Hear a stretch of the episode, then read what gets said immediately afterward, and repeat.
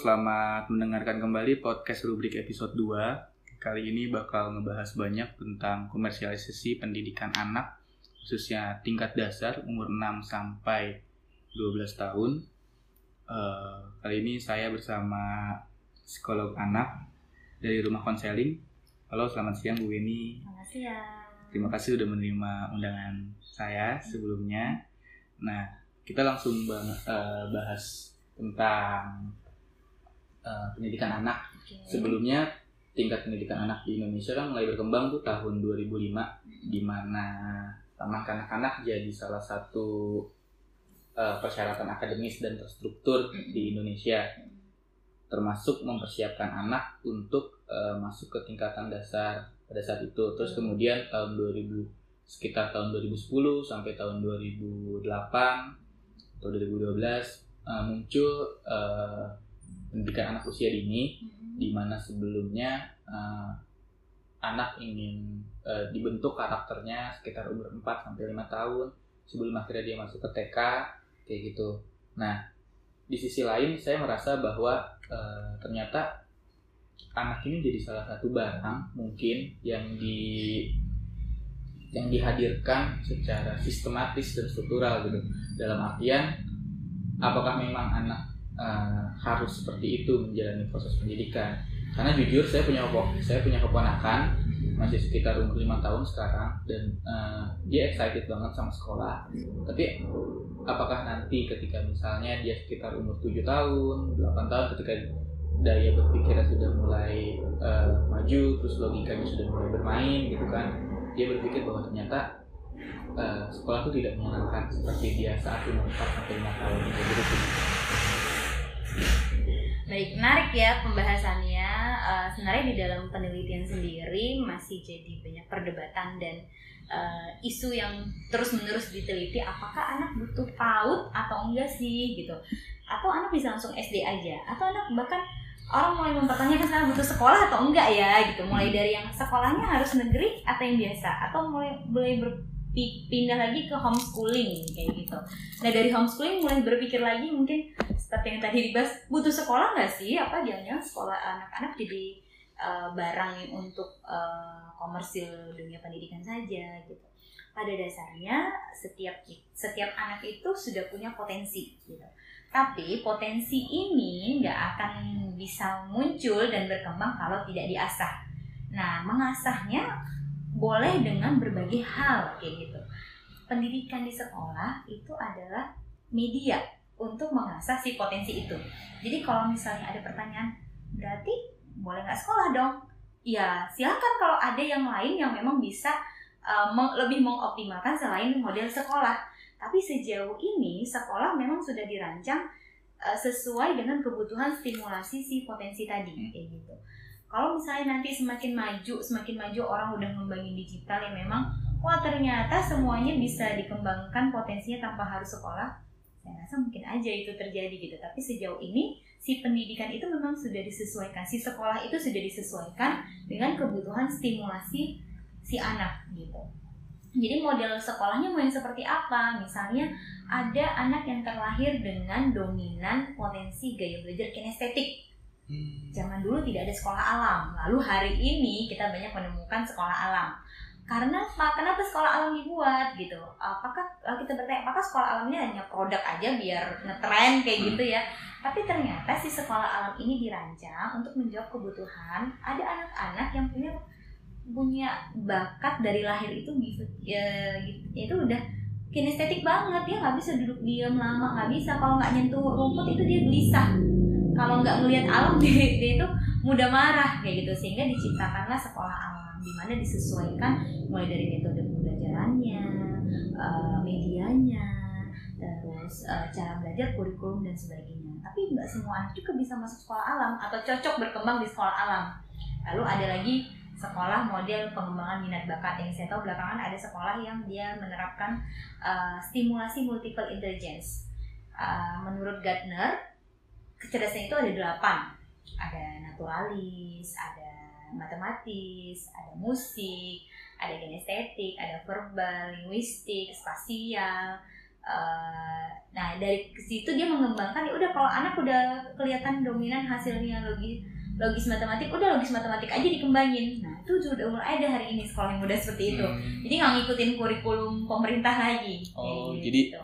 Eh, kalau misalnya eh, kita kan agak sedikit telat nih Bu kalau balik lagi ke TK tadi. Sekitar tahun 2005 baru mulai muncul gitu kan. Mungkin sekitar tahun 2006 atau 2000 2000 ke atas lah muncul banyak eh, mungkin sekolah alam sekolah linguistik terus atau sekolah-sekolah yang based on sama eh, kepribadian si anaknya individu per individu.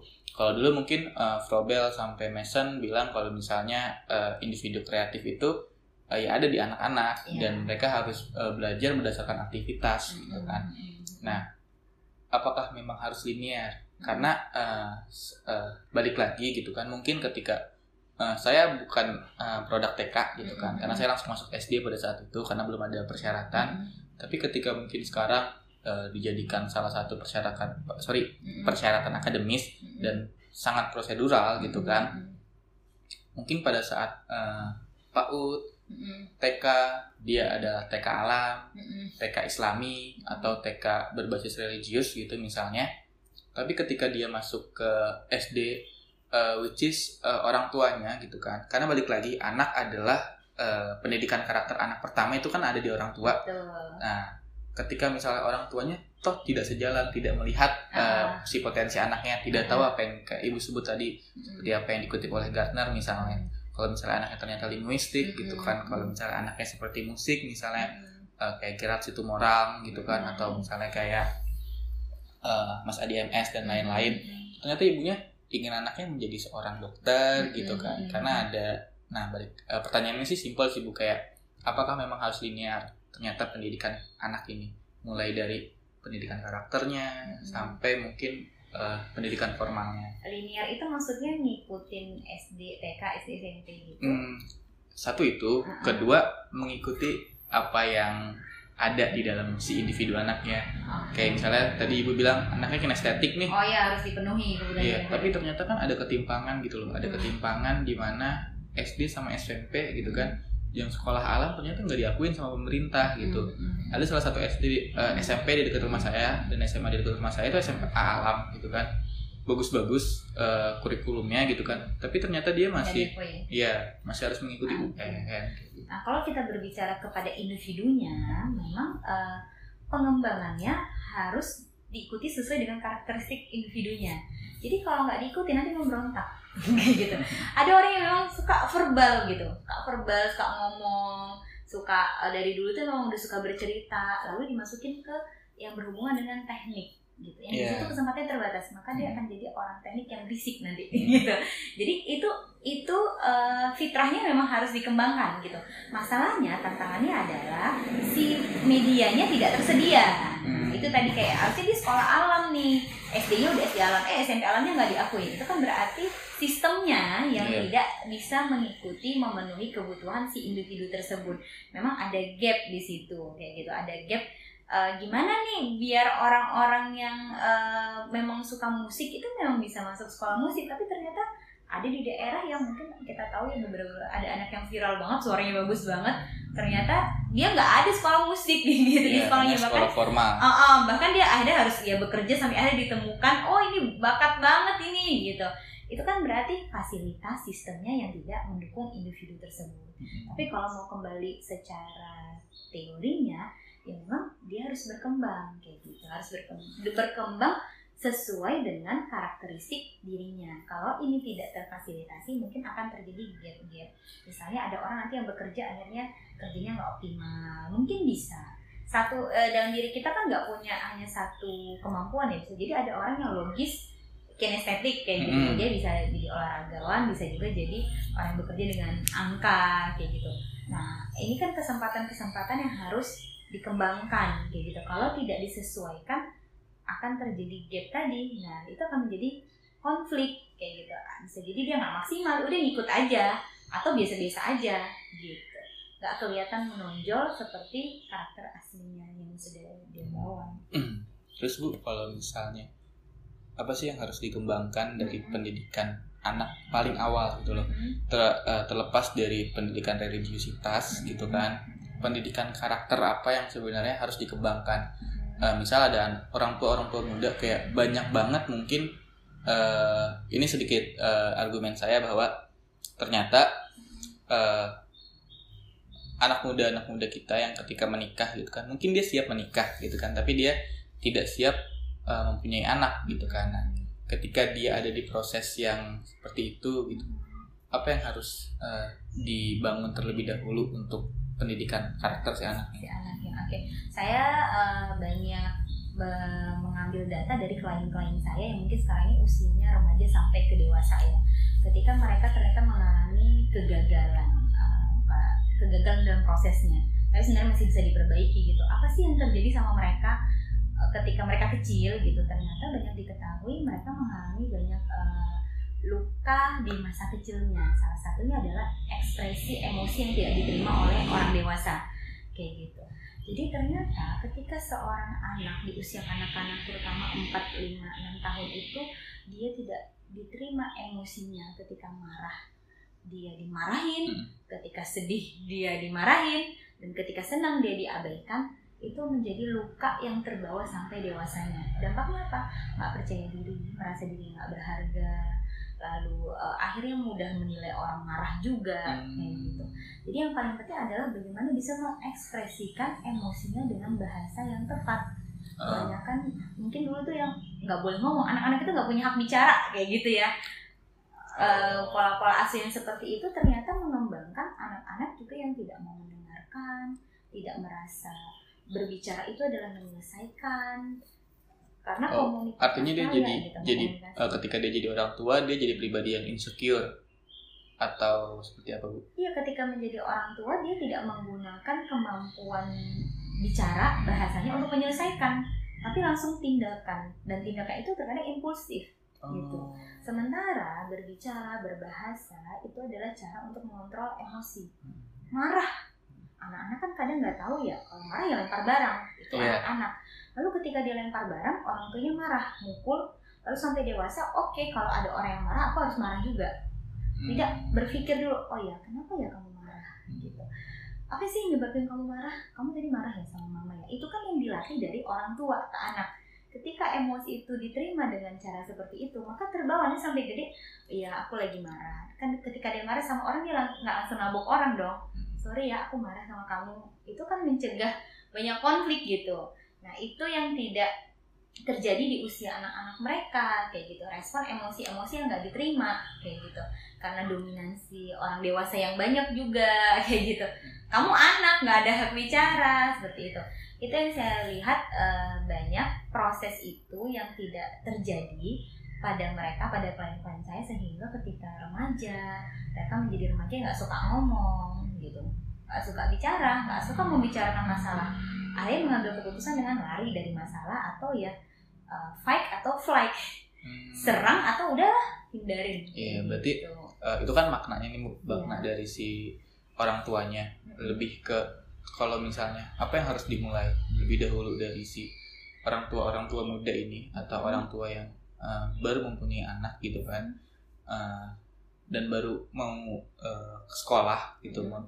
anaknya baru mau berpendidikan gitu kan apa yang harus dimulai terlebih dahulu sebelum misalnya kalau saya boleh uh, lihat bahwa ketika kita masuk TK gitu kan hmm. misalnya ada sejumlah anak yang mungkin beda tadi kayak ibu bilang hmm. ada uh, karakteristik karakteristik anak yang berbeda gitu kan nah balik lagi itu adalah pengaruh orang tuanya hmm. tapi di balik itu semua uh, apa yang harus dibangun lebih dahulu dari pendidikan karakter anak terlepas dari sisi religiusitas gitu kan apakah memang tadi satu uh, bahwa harus ada demokrasi dalam keluarga uh, atau lain hal kayak gitu sih bu yang pertama adalah attachment attachment itu kelekatan anak dan orang tuanya hasil penelitian menunjukkan anak-anak yang tidak lekat tidak attach dengan orang tuanya, artinya juga perilakunya dia nggak percaya sama orang tuanya, hmm. maka dia akan sulit beradaptasi dengan lingkungan di luar hmm. orang tuanya. Maka orang tua harus membangun attachment, kelekatan. Kelekatan itu dibangun dari sejak ASI. Oh, Makanya di sini kenapa seorang ibu itu diminta untuk memberikan asi langsung kepada anaknya kan memeluk, melekat mulai dari sentuhan, tatapan, bahasa-bahasa nonverbal ya. Jadi attachment itu harus dibangun eh, sebaik mungkin ketika masa anak-anak. Dia harus trust dengan orang tua, percaya. Percaya itu dari apa? Ketika aku nangis, orang tua aku merespon, nggak diabaikan. Ketika aku pup, cara aku langsung diganti. Ketika aku mau makan, dikasih makan kayak gitu. Nah itu dari masa bayi banget gitu. Jadi ketika anaknya mau keluar dari circle circle orang tuanya ini masuk ke dunia baru ada orang lain, dia akan ngerasa aman. Ada mamaku kayak gitu. Tapi ada anak-anak yang dia nggak kebangun attachment. Makanya ketika mau masuk lingkungan baru itu dia langsung ke mamanya terus. Ini nggak aman, ini nggak aman. Jadi mudah merasa insecure. Dan Hmm. tadi ya orang dewa orang tua yang insecure itu ternyata dari anak-anak juga dari masa kanak-kanak. Dan itu uh, di dalam teorinya Erikson gitu uh, trust me trust gitu masalah attachment ini berlanjut sampai tua ternyata gitu. Masalah problem yang dari awal si anak nggak percaya dengan orang tuanya nggak bonding nggak attach ini dampaknya kalau tidak ditanganin sampai tua. Makanya banyak ketemu anak remaja orang tua yang bilang anak gue nggak mau cerita nggak pernah mau cerita kenapa? Coba dia lihat masa bayinya masa kecilnya. Bonding nggak attach nggak dengan orang tuanya? Kalau udah remaja ya udah lewat fasenya. Mereka Hmm. memang harus memasuki dunia teman sebaya Hmm. gitu. Jadi kesempatan orang tua bisa jadi udah lewat kayak gitu. Nah tapi di masa kecil sebelum dia masuk ke sekolah tadi ya dia harus bonding dulu dengan orang tuanya melalui apa? Kegiatan di rumah. Main bareng terus baca buku makan bareng bukan yang uh, anak sibuk HP ibu sibuk HP ya ini tantangan sekarang gitu keluarga milenial di mana anak dikasih gadget ibu juga sibuk dengan gadget gitu. sehingga uh, proses attach itu nggak terbentuk kayak gitu Hmm. Terus kalau misalnya ternyata eh, sekarang banyak eh, orang tua orang tua yang lebih menitipkan anaknya gitu. Ke daycare atau ke mbak misalnya. Yang di satu sisi ternyata eh, itu membuat si anak nggak respect sama orang tuanya. Karena ada beberapa case khusus untuk teman saya gitu kan.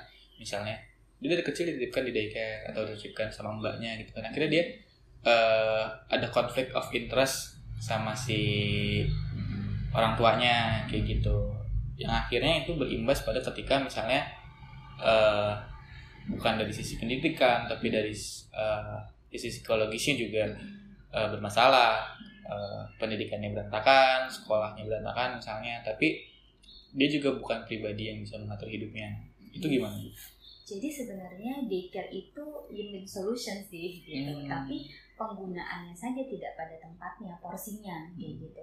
Di era sekarang ini di mana ada tuntutan seorang bapak dan ibu bekerja sehingga uh, daycare itu solusi, solusi yang aman lah kayak gitu dibanding nggak ada daycare sama sekali kayak gitu.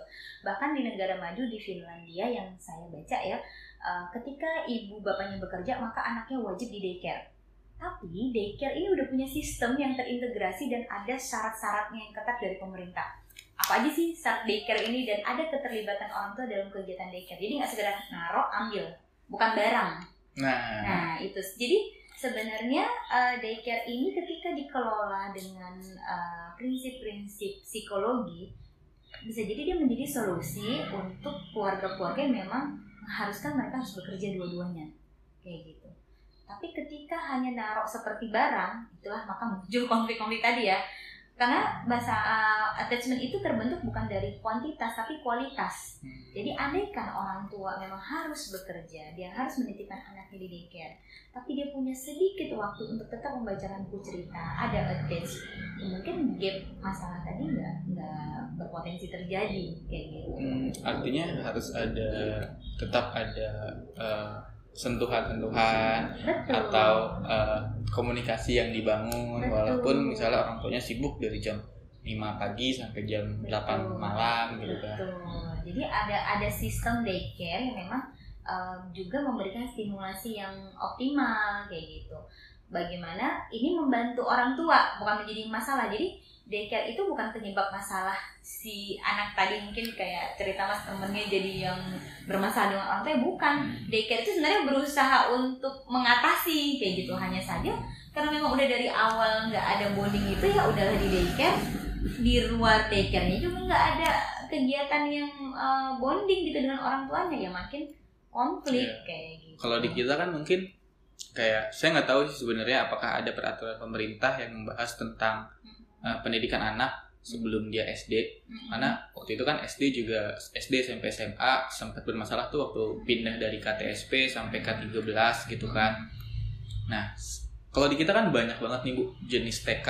Mungkin dalam satu kecamatan atau satu R eh, satu kecamatan lah ada ada puluhan TK gitu atau eh, dari setiap RT ada TK-nya. Nah, ternyata di TK-TK ini balik lagi nggak punya kurikulum yang eh, sesuai gitu kan terhadap pendidikan anaknya. Pun misalnya si tenaga pengajarnya juga ternyata bukan tenaga pengajar yang dalam sisi eh, psikologis lulus misalnya untuk eh, mengajar si anaknya gitu kan. Perlu khawatir nggak jadi orang tua? Eh, iya sih gitu harusnya kalau orang tuanya memang benar-benar ingin menerapkan jangan menggantungkan si pendidikannya hanya melalui TK itu ya gitu Hmm. dari rumahnya sendiri kayak gitu. Sebenarnya kalau masalah kurikulum ada standarnya. Tapi eh, masalahnya adalah standar ini terpenuhi nggak masuk ke TK kayak gitu kan. Ada bahkan ada TK yang dia belum punya izin tapi dia numpang sama TK lain tapi sudah mendirikan gitu.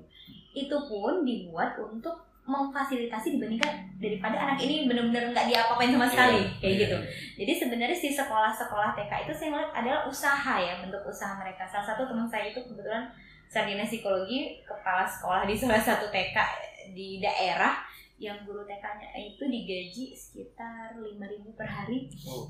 Kecil banget ya gitu. Wow. dan kenapa TK itu tetap didirikan? Ya karena kalau nggak ada TK lebih parah lagi. Mm-mm. mereka nongkrong di warnet anak-anak kecil. Nggak jelas berkeliaran ibu bapaknya ke sawah gitu. Lebih parah lagi kayak gitu.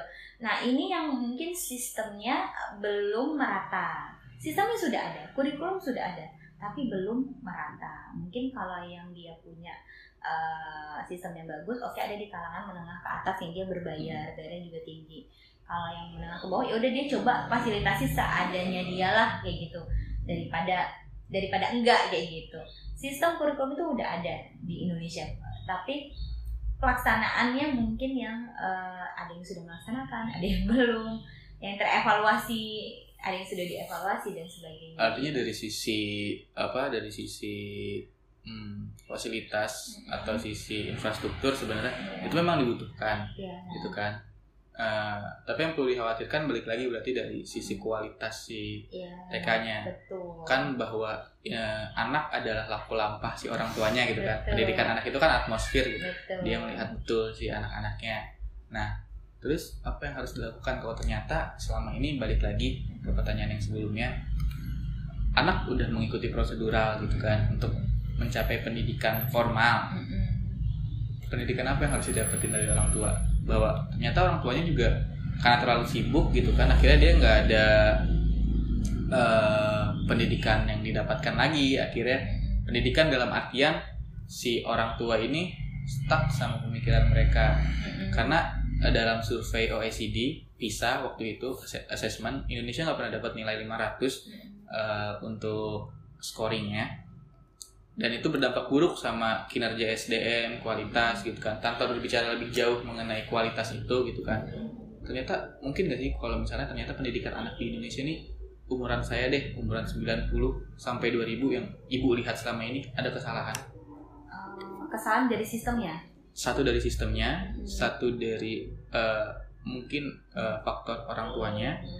Terus yang kedua lain hal. Oke. Jadi sebenarnya eh, benar banget orang tua itu adalah salah satu transfer pendidikan karakter bagi anaknya gitu, yang mendidiknya orang tua. Tapi di dalam psikologi tidak dikatakan harus orang tua, significant others. Jadi signifikan others siapa sih orang yang sangat signifikan bagi anak ini nggak harus orang tua.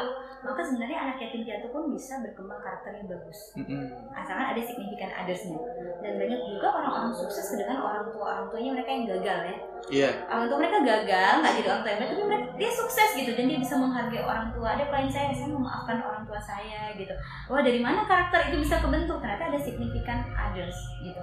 Signifikan others ini bisa saja tante nenek teman guru Hmm. dan apa pun kayak gitu. Maka kalau mau di mau disalah yang bertanggung jawab memang orang tua tapi dalam proses perkembangan individu kita berkembang tidak selalu karena ketika orang tua kita bermasalah udah pasti kita bermasalah. Tapi ketika kita bertemu dengan signifikan others yang bisa membuat kita terinspirasi membuat kita menangkap nilai-nilai yang positif itu ya kita tetap bisa jadi orang yang baik dan berkarakter kayak gitu. Kembali lagi kalau berbicara sama sistem memang harusnya sistem itu dibentuk untuk membentuk si karakter tadi. Yang saya tahu hari ini kurikulum kita sudah memasukkan bagaimana uh, tentunya di Kemendikbud itu ada divisi keluarga ya, Hmm. di mana keluarga itu harus jadi sistem support system di dalam sekolah. Jadi nggak boleh sekedar bayar uang sekolah aja. Makanya ada komite dan komite kadang lebih sibuk loh kegiatannya. Itu sekolah-sekolah yang menengah ya yang yang saya lihat ya gitu, yang mana dilibatkan banget orang tua di dalam kegiatan sekolah. Bahkan kalau anak nggak ada orang tuanya, siapa signifikan othersnya? Ibu panti asuhannya seperti itu. Eh, dan siapa pun itulah yang yang bisa membuat memberikan karakter-karakter positif kepada anak ini. Gimana kalau memang orang tuanya ada, tapi nggak ada karakternya kayak Oke, gitu. ya. Nah itu yang jadi konflik kan, tanggung jawab siapa kayak gitu kan individu-individu dewasa ini.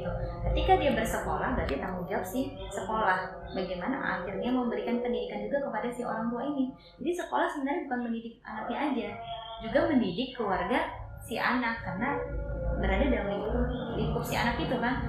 Makanya di sekolah ada kegiatan parenting, ada kegiatan uh, orang tua dipanggil, ada rapat orang tua dan sebagainya. Itu sebenarnya sarana komunikasi agar orang tua bisa berperan nih gitu diajak gitu dipaksa walaupun sebenarnya harusnya nggak harus dipaksa ya harus punya kesadaran ya tapi kan ada yang eh, berbagai macam karakteristik itu nah itulah yang bisa mensupport si pendidikan itu gitu. Hmm, kalau ternyata itu kan dalam eh, konteks keluarga yang eh, bisa dibilang ideal ideal. Terus kalau misal ternyata eh, dia adalah saya nggak mau sebut produk gagal sih, tapi mungkin bahasa lebih lembutnya bahwa si anak adalah produk dari di mana orang tua melakukan tindakan yang mungkin di luar eh, hukum sosial. Semisal eh, bahwa anak ini punya ibu dan punya bapak, gitu. tapi ternyata dia hasil program MBA gitu eh, ternyata bapaknya entah ke mana gitu atau dia ternyata eh, saya sangat tertarik ketika lihat ada saya lupa video siapa pada waktu itu ketika mau penggusuran Gang Doli bahwa oh ternyata ada loh anak umur 6 sampai umur 12 tahun yang bayar hanya dengan 10.000 terus mendapatkan mungkin bukan edukasi seks tapi lebih ke eh, bukan pendidikan seks juga tapi lebih ke mungkin pelecehan saya lebih eh, tepat sebutnya. Dan ternyata dia bukan salah. Karena saya tidak bisa menyalahkan anak kecil gitu kan. Ternyata bukan salah dia. Ternyata mungkin salah orang tuanya karena dia dia kan menjajakan dirinya. Eh, bukan. Dia sebagai pelanggannya. Oh. Pada video itu ada salah satu eh, eh, wanita tunasusila yang umur sudah berumur gitu kan. Ketika diwawancara dia tanya ibu siapa pelanggannya? Oh pelanggan saya anak SD SMP gitu kan nah itu kan anak SD SMP itu kan ada di lingkungan yang tidak ideal si- seperti ibu sebut tadi gitu kan terus ada pada kondisi dari keluarga yang tidak ideal gitu kan nah itu bagaimana menyikapinya sebagai orang tua jika misalnya ada yang mendengarkan nih ternyata eh, dia adalah orang tua atau anak dari yang bukan eh, keluarga yang ideal gitu. Iya. em, kalau kembali ke Undang-Undang Dasar 45 maka masuk ke dalam tanggung jawab negara ya. Anak-anak fakir miskin, anak-anak terlantar fakir miskin menjadi eh, tanggungan negara. Iya, Nah, itu harusnya tanggungan negara gitu. Harusnya ada sistem yang memang eh, mengasuh si anak-anak yang dalam konteks tadi ya nggak ideal tadi. Hmm. Saya teringat akan kasus waktu itu saya ada kasus anak yang remaja dia eh, dilaporkan oleh ibunya menjadi korban persetubuhan terha- terhadap anak di bawah umur oleh orang dewasa. Lalu setelah saya wawancarai ternyata dia menjajakan dirinya. Kayak gitu. Lalu setelah ditelusuri dia marah banget sama ibunya. Dia nggak suka sama ibunya. Padahal ibunya pengen lindungin dia. Dia nggak suka sama ibunya. Karena ibunya udah lama ninggalin dia. Terus balik-balik ibunya langsung uh, dia merasa ibunya seperti hero kayak gitu ya. Dan dia udah berkali-kali udah mau ditangkap nih pelakunya. Dia kabur. Dia sendiri nggak mau mengungkap siapa pelakunya. Karena dia merasa saya nggak masalah kok digituin gitu. Saya nggak masalah uh, itu adalah kasih sayang yang saya dapat kayak gitu. Lalu akhirnya kita sangat kesusahan untuk menangkap si tersangka tersangkanya karena dia anaknya sendiri nggak mau mengungkap siapa tersangkanya. Karena dia merasa tidak menjadi korban. Dia merasa bahagia. Sampai akhirnya kita berpikir oh, oke ini sistemnya bagaimana ya? Lalu kita waktu itu saya sempat bahas ternyata di luar negeri itu ada ada sistem di mana sebuah keluarga dibayar di hire oleh pemerintah untuk mengasuh anak-anak yang model seperti ini. Hmm, orang tua asuh. Betul tapi orang tua asuh ini sudah melalui proses asesmen yang memang ideal lah untuk bisa mengasuh. Jadi memang dia harus dikembalikan dalam bentuk keluarga yang ideal. Jadi keluarga itu tetap butuh kayak gitu. Keluarga itu bukan harus orang tua kandungnya karena kembali ke orang tua kandungnya udah nggak bisa. Trustnya udah rusak banget. Gitu benar itu butuh proses yang sulit banget untuk dia akhirnya kembali mempercayai lagi ibunya kayak gitu. Untuk dididik sama ibunya nggak bisa dia nggak mau tinggal sama ibunya dia mau tinggal di jalanan aja.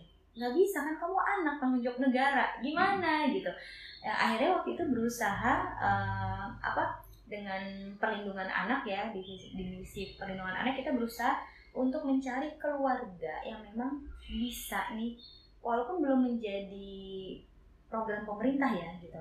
Ini kayak kayak pilot project gitu gitu oh, mau dijalanin okay, okay, waktu itu. Uh, untuk si keluarga ini memang bisa memberikan kasih sayang perhatian menggantikan keluarga dia tidak ada. Nah sistem itu harus ada gitu. Saat ini di Indonesia sistem seperti itu belum ada adanya panti-panti.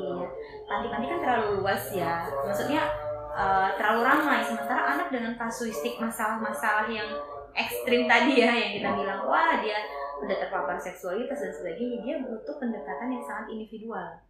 Jadi kalau di dalam panti pun itu tidak cukup menyelesaikan jadi harus ada uh, sistem yang seperti itu.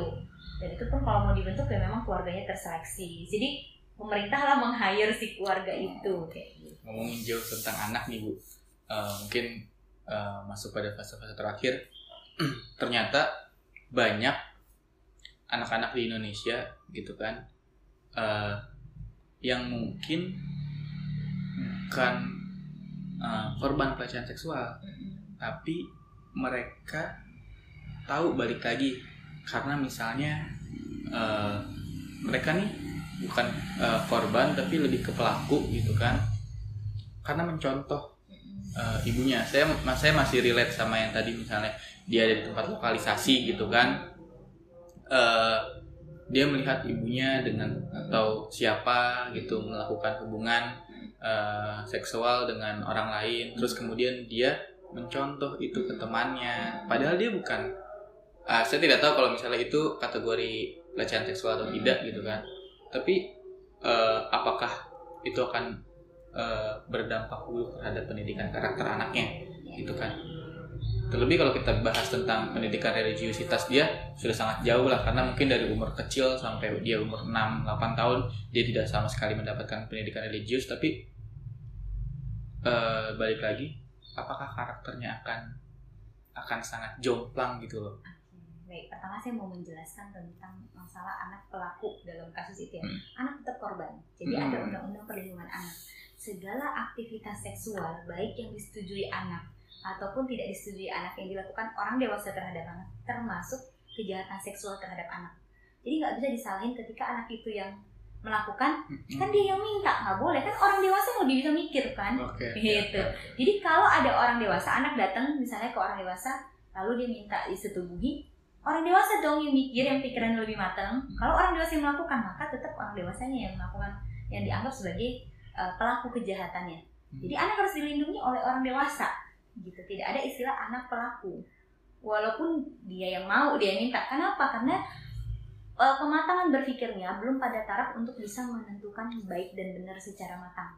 Hanya nggak berpikir jangka panjang hmm. dan sebagainya. Makanya di Indonesia ada undang-undang perlindungan anak seperti itu ya. Lalu uh, mempengaruhi karakternya nggak udah pasti dong gitu hmm. pasti mempengaruhi karakternya jadi normanya bergeser lebih permisif terhadap hal-hal yang melanggar asusila.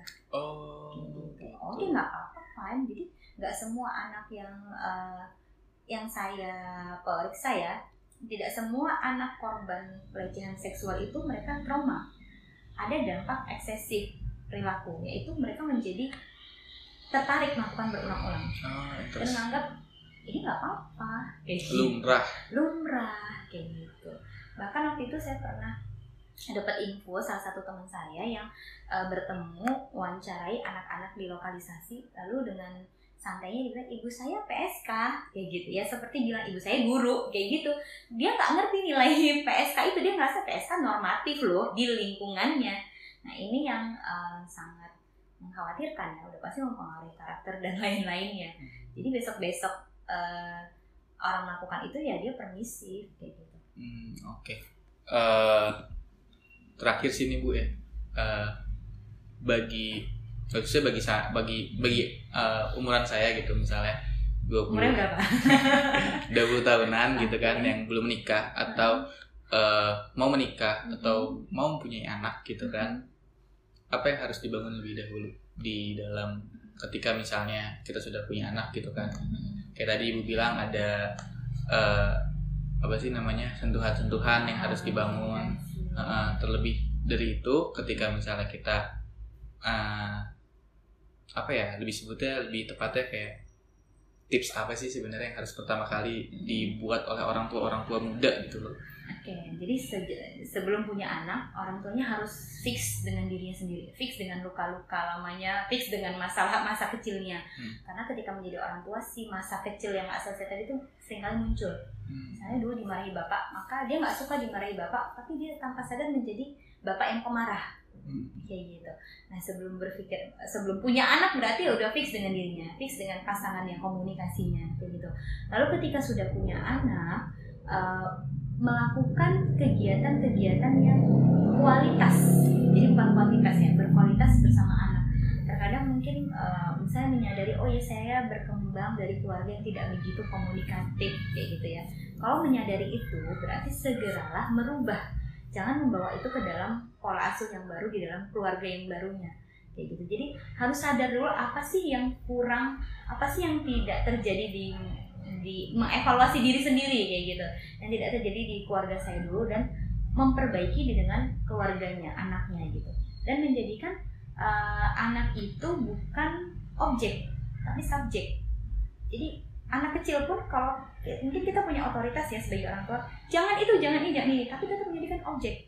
Tetap memberikan pilihan komunikasi yang terbuka.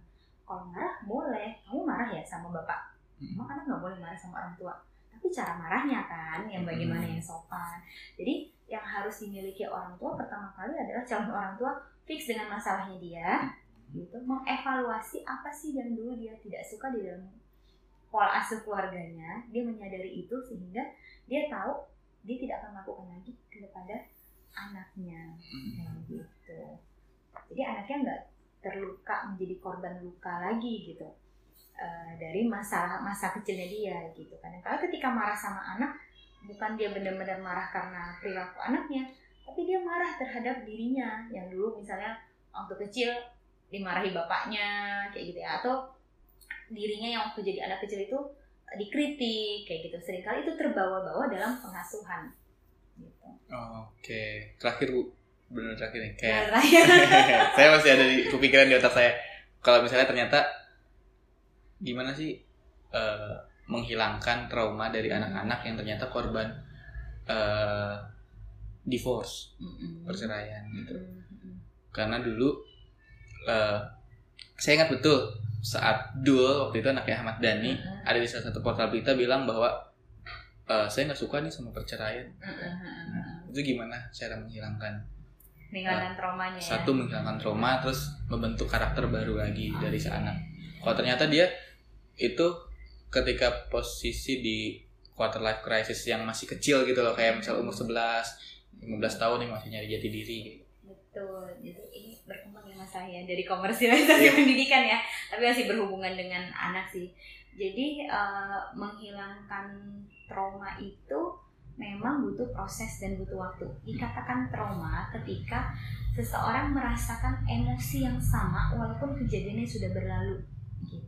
Emosi itu yang dibawa terus menerus. Misalnya ketika ibu bapaknya berpisah, yang diingat adalah ibu bap ibu bapaknya berantem, saling membenci. Walaupun sudah berjalan lama, ibu bapaknya sudah menikah lagi bahagia, ibu, udah, tapi dia masih melihat, masih membawa perasaan benci tadi. Hmm. gitu. Maka trauma itu bukan sesuatu hal yang bisa uh, dirubah dengan uh, dengan satu kali kayak gitu. Butuh mungkin penanganan berkali-kali secara psikologis kayak gitu. Kan itu pilihan. Ketika dia semakin dewasa mungkin waktu anak-anak itu akan melekat ya dia kayak nggak bisa milih kayak gitu ya udahlah ini emosi aku yang aku bawa tapi semakin matang semakin dewasa seseorang dapat memilih harus berespon apa terhadap situasi itu. Apakah mau tetap membenci, memaafkan, atau seperti apa? Nah, tentunya proses ini bisa terjadi melalui eh, layanan-layanan uh, psikologi, konseling, psikoterapi, dan sebagainya. Itu bisa membantu untuk Tapi yang paling penting juga adalah support system di dalam si keluarga itu. Misalnya siapa support systemnya? Kakek, nenek, tante, kalau itu ada berarti itu lebih membantu lagi kayak gitu.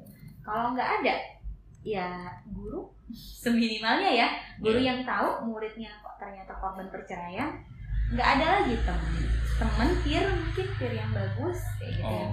ya emang lebih matang lebih dewasa seperti itu nah kalau misalnya nggak ada sama sekali sampai dia gedenya jadi bermasalah mungkin layanan psikologi menjadi jawaban untuk ditawarkan ke orang-orang yang memang merasa dia korban perceraian orang tuanya. Pemerintah wajib nggak sih bu menyediakan layanan psikologi? Untuk orang tua yang untuk siapa pun. Untuk siapa pun sejauh ini ada layanan yang difasilitasi dari pemerintah seperti P2, TP2A, KPAI, LPHI dan itu ada layanan psikologi di dalamnya. Hmm, Oke. Okay. Gitu. Jadi itu termasuk layanan dari pemerintah kan ya? Uh, makasih banyak Bu Weni sudah mau di wawancara mungkin sudah mau berbagi cerita di rubrik ruang bicara untuk kebebasan. So ini rubrik episode kedua tentang mungkin nggak komersialisasi anak ya judulnya. Berkembang jadi, ya. Berkembang jadi ngomongin tentang uh, anak sih.